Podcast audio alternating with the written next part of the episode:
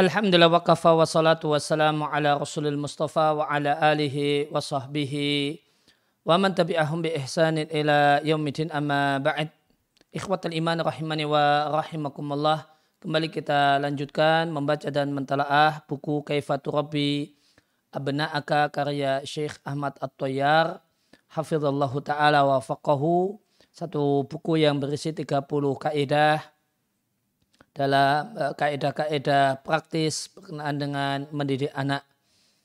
Kita sampai pada kaidah yang ke-22 yang bunyinya da'i siyasat rafdi. Tinggalkan uh, uh, metode menolak secara langsung, langsung ditolak.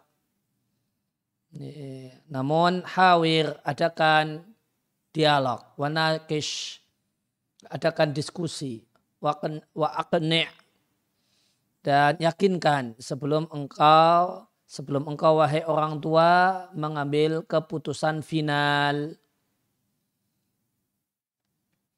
Ya betul, jangan katakan tidak jika anak meminta kepadamu sesuatu. Jika kecuali jika engkau yakin bahasanya tidak adalah jawaban satu-satunya.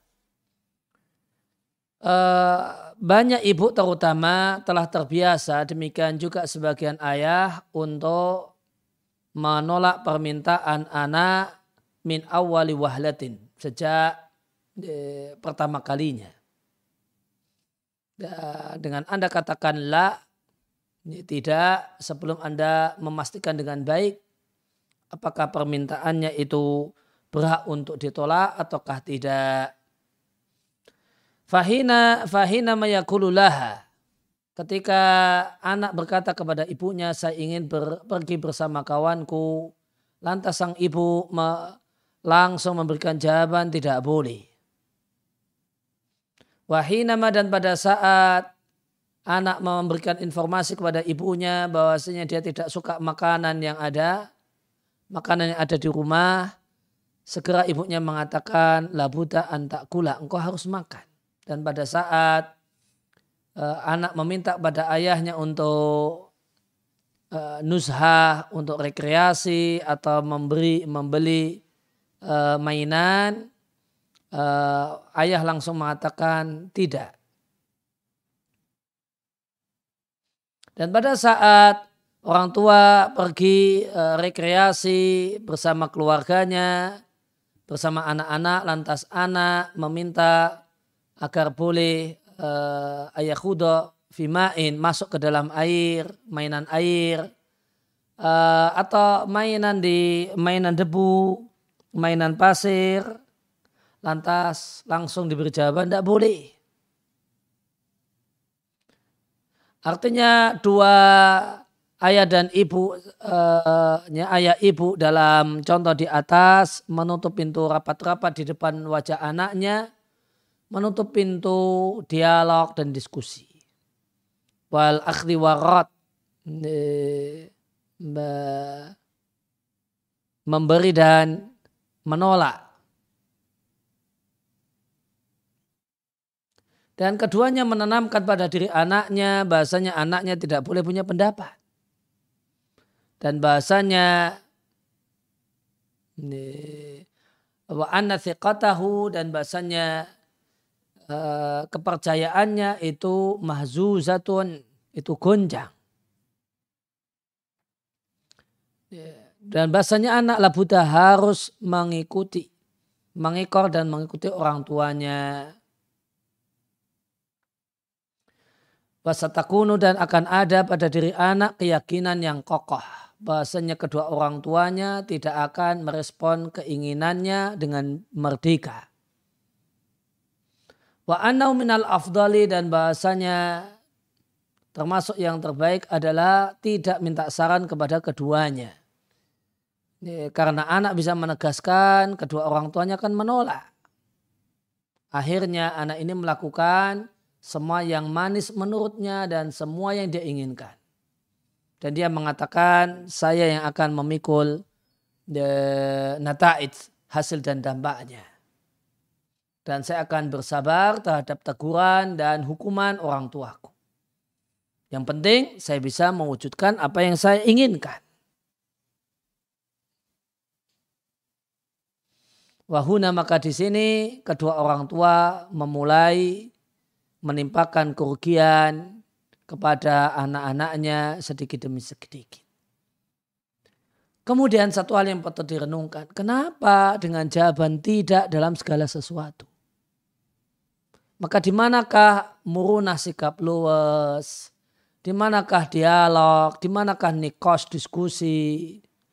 Kenapa Anda tidak Kenapa kita uh, kita orang tua tidak mengajak mereka diskusi tentang sebab sebelum menolak uh, idenya dari dari awal? Fala Allah boleh jadi anak itu benar dalam apa yang mereka sampaikan.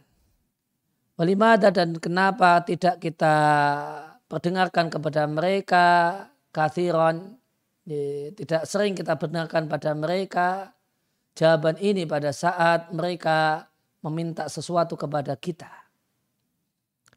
Berilah jawaban, baik anakku engkau punya hak untuk memilih dan memutuskan. Engkau adalah seorang yang berakal dan cerdas. Namun saya nasihatkan supaya engkau tidak melakukannya. Karena engkau akan menyesal. Engkau akan jatuh dalam sesuatu yang membahayakanmu segera ataupun ya, belakangan nanti. Fakam fi hadal jawab alaihi. Betapa banyak mengulang-ulang jawaban ini memiliki pengaruh yang besar dalam kejiwaannya, wanubuhihi dan uh, kepandaiannya. Betapa banyak engkau akan membangun pada dirinya uh, pengawasan internal. Kemudian kepandaian, kepandaian uh, fita jaribihi dari pengalaman-pengalamannya Engkau tanamkan pada dirinya PD, sikap percaya diri. Pengetahuan dan wawasan tentang hasil dari pengambilan keputusan-keputusannya. Wal hiwar al-hadi dan dialog yang tenang, al-banna yang konstruktif yang membangun. Sebelum dilanjut kita cek kata-kata nubur.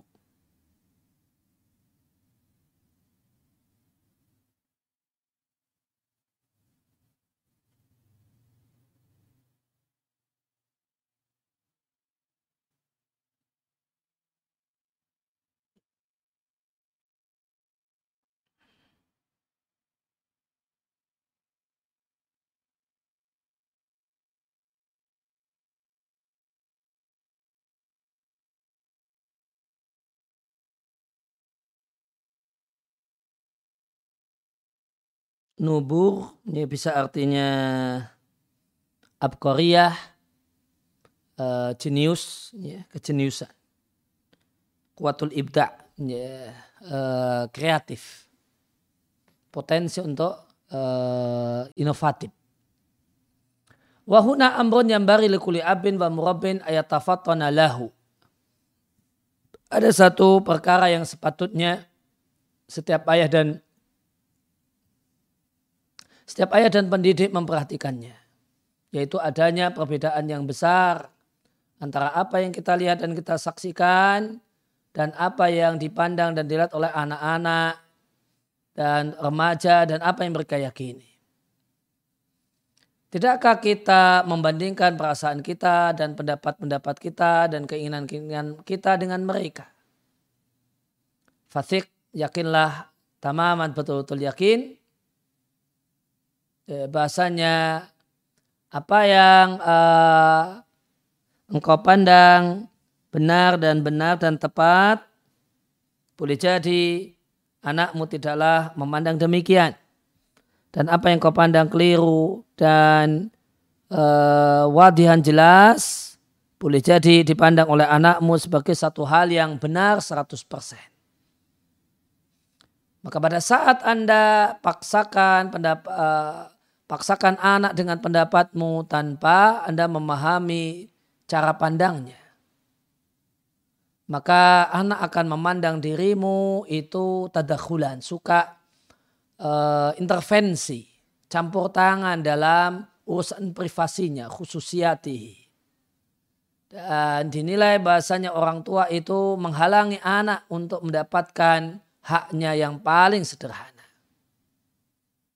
Khud misalan ala dalik. Ambillah contoh. Pada saat Anda pergi dengan anak-anak dalam acara rekreasi. Lantas Anda uh, duduk di dekat telaga, genangan air atau buhaira, uh, atau danau yang tidak nampak bersih.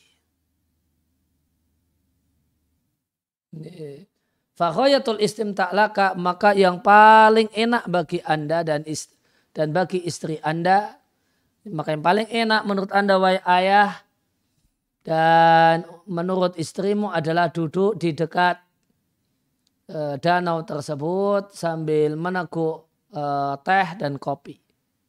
Lantas saling ngobrol, bertukar pembicaraan dan perkataan, kemudian dan tertawa-tawa, wa ta'liq alal aulad dan mengomentari anak-anak. Sedangkan yang paling enak, paling menyenangkan untuk anak-anak adalah masuk ke dalam birkah, masuk ke dalam air, uh, masuk ke dalam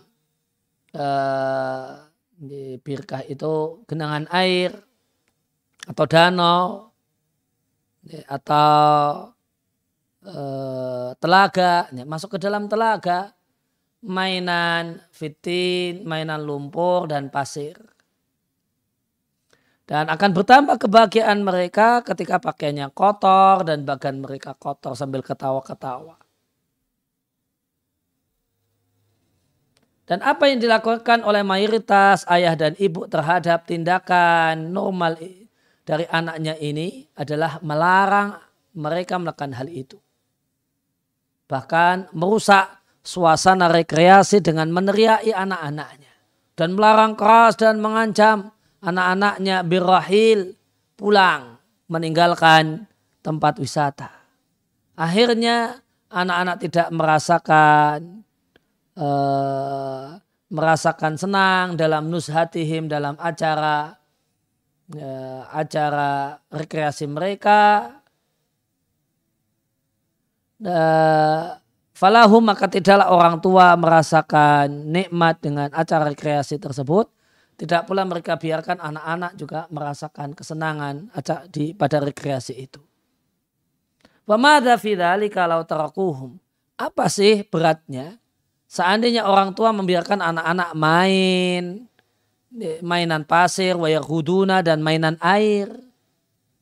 Bukankah maksimal yang menimpa anak adalah kotor badan dan pakaian? Padahal ini adalah puncak dari angan-angan anak-anak. Yang dengan sebab mendapatkan puncak angan-angan ini, mereka mencurahkan segala kemampuannya. Dan dengan itu maka mereka menumbuhkan akal mereka. Dan terapi untuk problem ini dalam pandangan orang tua itu sebenarnya kan gampang. Tinggal bersihkan anak-anak ya, ketika mereka kembali ke rumah atau di tempat wisata itu cari ya, apa, eh, cari kamar mandi umum sudah dibersihkan.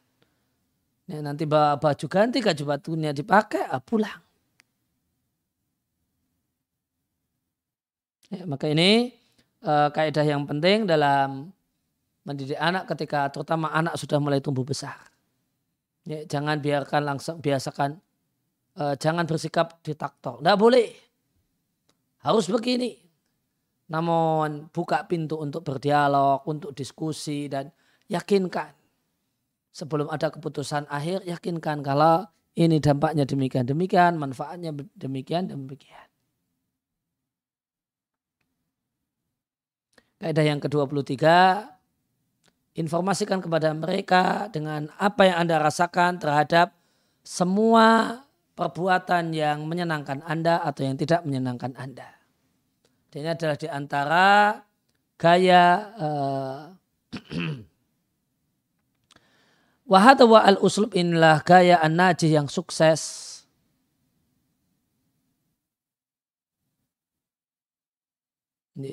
Haitsu ya'tamidu di mana gaya ini uh, ya tam itu bersandar kepada mendeskripsikan perasaan penutur dengan menggunakan kata-kata saya.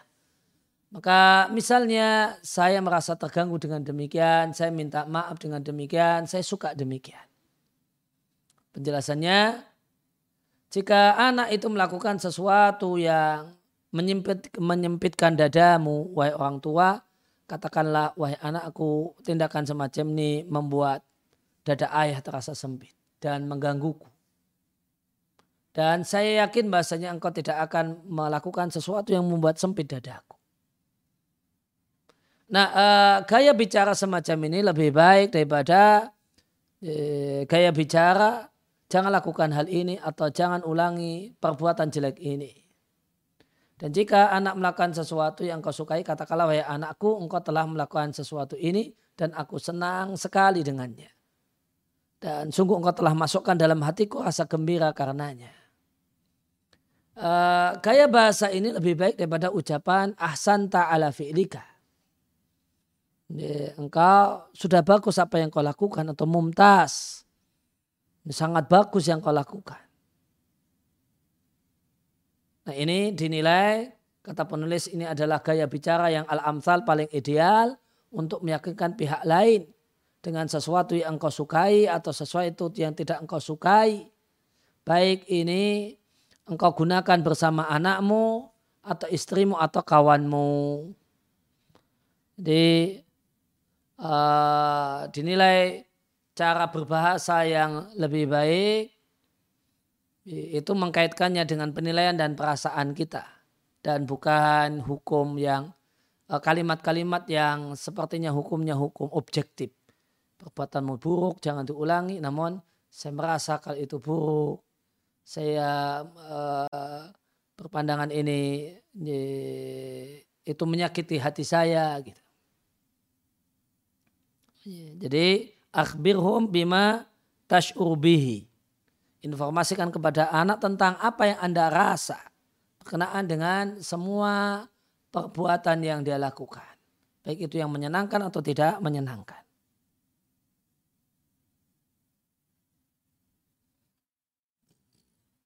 Kemudian kaidah yang ke-14, kun sorihan hendaklah engkau menjadi seorang yang belak-belakan terus terang wasadiqon dan tulus bersama anak-anakmu dan bersama pertanyaan-pertanyaan mereka yang sering kali e, menyudutkan. Kemudian ketahuilah bahasanya jika engkau tidak demikian, fa'inna bika maka rasa percaya anak kepada dirimu akan guncang.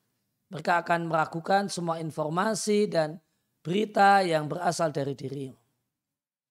Oleh karena itu sepatutnya engkau wahai orang tua menjadi seorang yang belak-belakan dan orang yang tulus dan jujur di dalam kondisi-kondisi demikian. Yang pertama dalam janjimu. Maka jika engkau menetapkan uh, adanya satu janji untuk anak-anak jangan diselisihi sama sekali kecuali kondisi darurat. Bahkan wahab bada dan betapa bagusnya seandainya engkau beritahukan kepada mereka bahasanya engkau datang telat. Ini kalau janjian-janjian, janjian mau pergi ke mana, jam sekian gitu. Kemudian yang kedua dalam janjimu. Maka jika engkau berjanji kepada anak untuk keluar jalan-jalan bersama mereka atau memberikan pada mereka sesuatu, jangan diralat, jangan dibatalkan. Kemudian yang ketiga dalam ancaman. Jika engkau mengancam siapa yang melakukan sesuatu dengan satu hukuman dan tidak mendapatkan satu hal, maka emosi dan sayang itu jangan sampai menguasai dirimu sehingga ancaman tersebut tidak dilaksanakan. Meskipun di sini ada catatan kaki dari Syekh Muhammad Duais, uh, Eh, melanggar ancaman untuk menghukum tidak selalu uh, jelek. Terutama juga uh, ditegaskan, ya bapak nggak jadi ayah nggak jadi ngasih hukuman karena kasihan atau karena begini dan begitu. Kemudian yang keempat, dalam memuji dan mencela, jangan puji anak kecuali karena sesuatu yang dia berhak untuk mendapatkan pujian karenanya. Wala tukthir minhu dan jangan terlalu banyak memuji. Ya, jangan terlalu banyak memuji hatta sehingga uh, tidaklah pujian dan motivasimu itu la yusbih. Tidak memiliki efek pengaruh padanya. Karena udah karena mendapatkan pujian itu sudah biasa, akhirnya pujian itu tidak berkesan. Sehingga memuji itu jarang-jarang saja. Sehingga biar pujian itu demikian terkesan di hati. Kemudian jangan celah atau tegur kecuali karena sesuatu yang menjadi haknya. Wa ala syai'in yu'atabu ala mislihi. Dan karena sesuatu yang seorang itu layak untuk mendapatkan teguran jika melakukan hal tersebut. Nah, demikian juga teguran itu jangan sering-sering. Karena jika itab, teguran itu sering-sering, maka jadilah teguran itu tidak memiliki wakaun, tidak memiliki efek dan pengaruh pada dirinya. Jadi akan tambah bandel.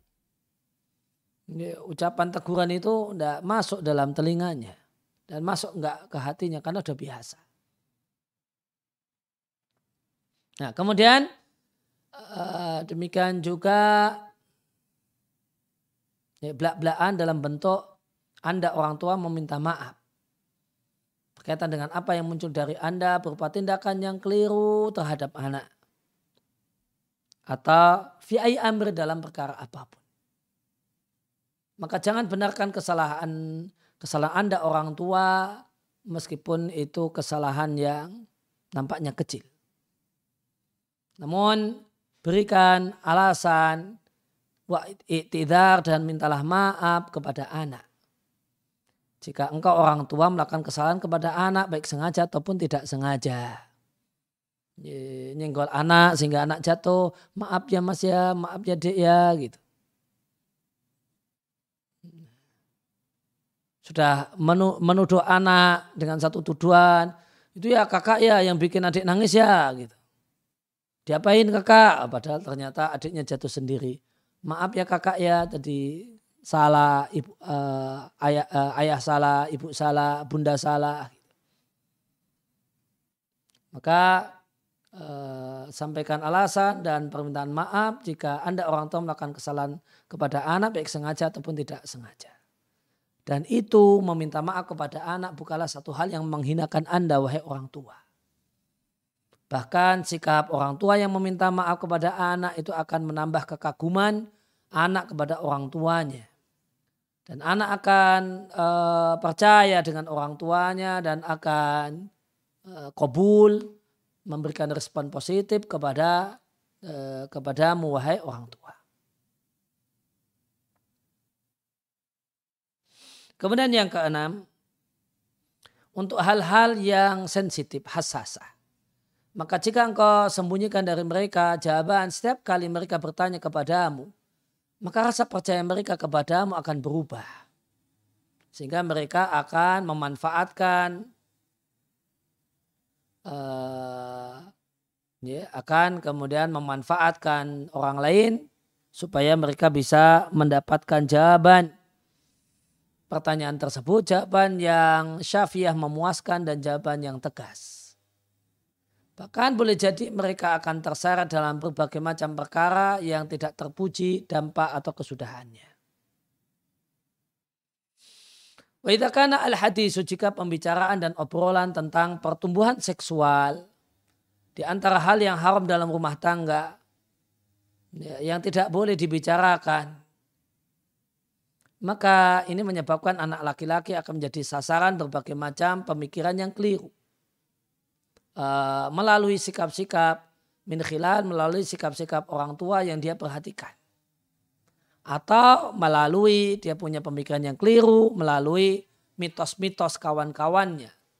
Yang mitos itu ya tadawalunah beredar di antara kawan-kawannya. Maka anak berkeyakinan bahasanya topik tersebut tidak boleh dibicarakan. Waya beka asyira'u dan akan tetap awet. Ya, asyira konflik. Waya dan tetaplah asyirak konflik itu menguasai dirinya. Dia tidak menjumpai orang yang memberikan kepadanya nasihat dan arahan. Di fase di mana anak ini sangat membutuhkannya. Oleh karena itu, asanu uslubin. Maka cara yang terbaik untuk menyikapi topik ini, topik masalah seksual, adalah penyadaran anak dengan informasi yang benar seputar seks seputar kelamin dan e, perbedaan jenis kelamin dan memotivasi anak untuk komitmen dengan kaidah-kaidah syariat dan ya, kaidah-kaidah akhlakiyah normal. Sehingga jadilah e, dorongan seksual dalam persepsi anak adalah satu bagian yang normal dari kehidupan manusia. Bahasanya manusia berhak untuk menikmatinya dalam bingkai kaidah-kaidah moral. Maka ada pertanyaan, bagaimanakah kita dilahirkan? Kita itu datang dari mana? Ini satu pertanyaan yang menjadi hak anak untuk menyampaikannya. Dan wajib bagi orang tua untuk memberikan jawaban sederhana namun benar. Bukan jawaban yang rumit, ya, ilmiah namun takait rumit. Mbak pertanyaan anak ini adalah kesempatan untuk belajar uh, belak-belakan dan terus terang wal infitah dan terbuka bersama orang tua fi misli hadhil mawadi' dalam tema-tema dan uh, semacam ini.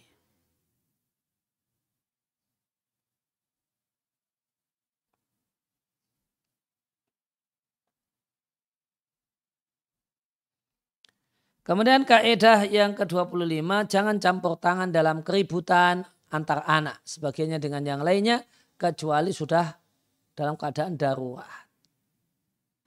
Karena anak-anak itu umumnya mampu ya, mengurai problem di antara mereka dengan dirinya sendiri.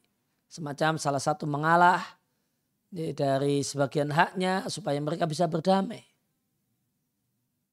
Akan tapi jika mereka mengetahui bahasanya di belakang mereka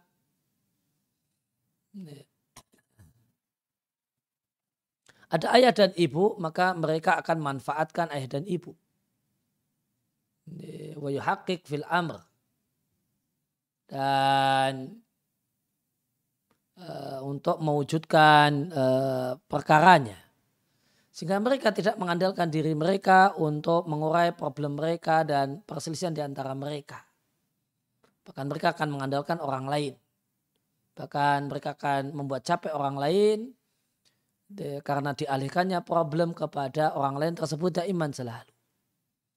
Yang ini mendapatkan pengalihan problem ini akan menyebabkan uh, lil aba orang tua itu irhaqan mendapatkan beban berat, tambah susah, tambah payah, watakaduron dan tambah keruh dirinya dan hatinya.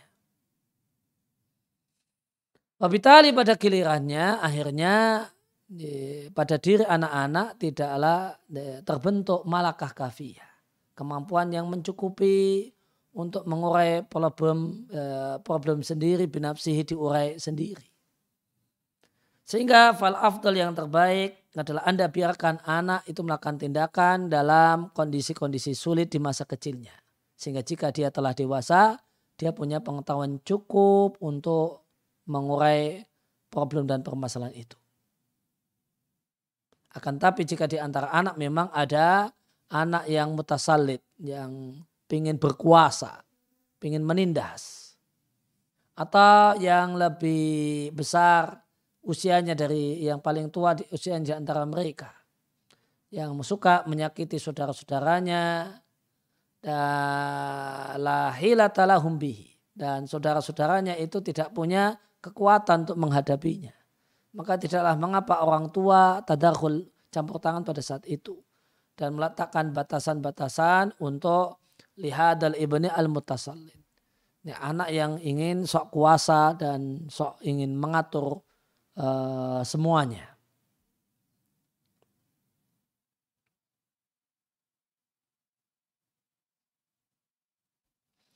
Kemudian kaidah yang ke-26, dakhu biarkan anak mengandalkan dirinya. Jangan cepat-cepat segera membantu anak. Kecuali ketika uh, tertutup, tergembok rapat-rapat semua pintu di hadapan anak. Maka betapa banyaknya ayah dan ibu yang tidak memberikan pada anak mereka kesempatan agar mereka bisa mengandalkan dirinya sendiri. Eh, agar mereka bisa mengetahui eh, bakat mereka agar mereka bisa uh, mengefektifkan akalnya. Bahkan Anda jumpai banyak orang tua yang segera memberikan solusi cepat bagi anak-anaknya. Maka tidaklah anak meminta satu bantuan kecuali engkau lihat orang tua itu bersegera memberikan bantuan.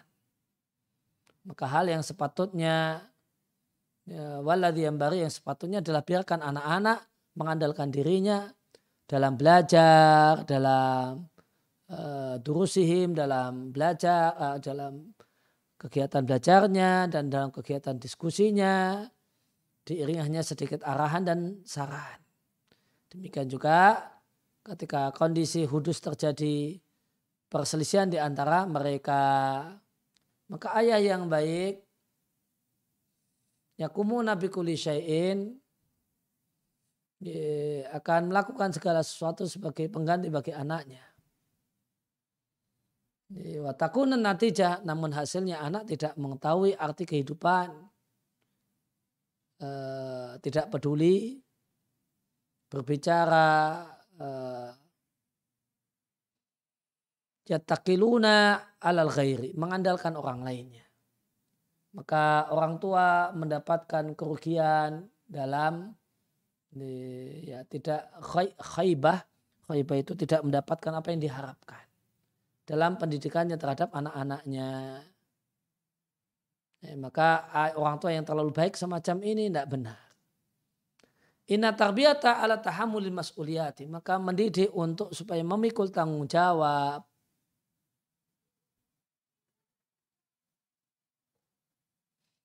itu mengharuskan untuk mentelaah ulang berbagai macam pikiran, prediksi, dan sikap-sikap yang dimiliki oleh uh, seorang tua yang baik. Ada salah satu orang tua mengatakan aku berjalan di jalan, uh, aku Yasiru berjalan di satu jalan dan di depanku ada seorang perempuan yang berjalan bersama anaknya. Maka anak terpleset, wasakota ardon, jatuh ke tanah dan dia menangis uh, ibunya tetap berjalan dan meninggalkannya, maka aku bergerak untuk membantu si anak. Ya, maka ibunya memberikan isyarat kepada aku dan melarangku untuk melakukan demikian. Ya, aku tanyakan lima kenapa sang ibu mengatakan in tuhu hadihi marota maka jika aku bantu dia di kali ini dia akan meminta bantuan setiap kalinya. Ya, maka didik anak untuk mandiri menyelesaikan problemnya sendiri. Ya, jangan uh, bersegera dibantu sesuatu yang mampu mereka atasi sendiri.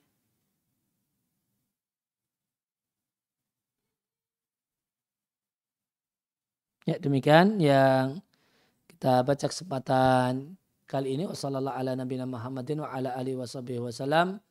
akhiru da'wana rabbil alamin. Anta astaghfiruka wa.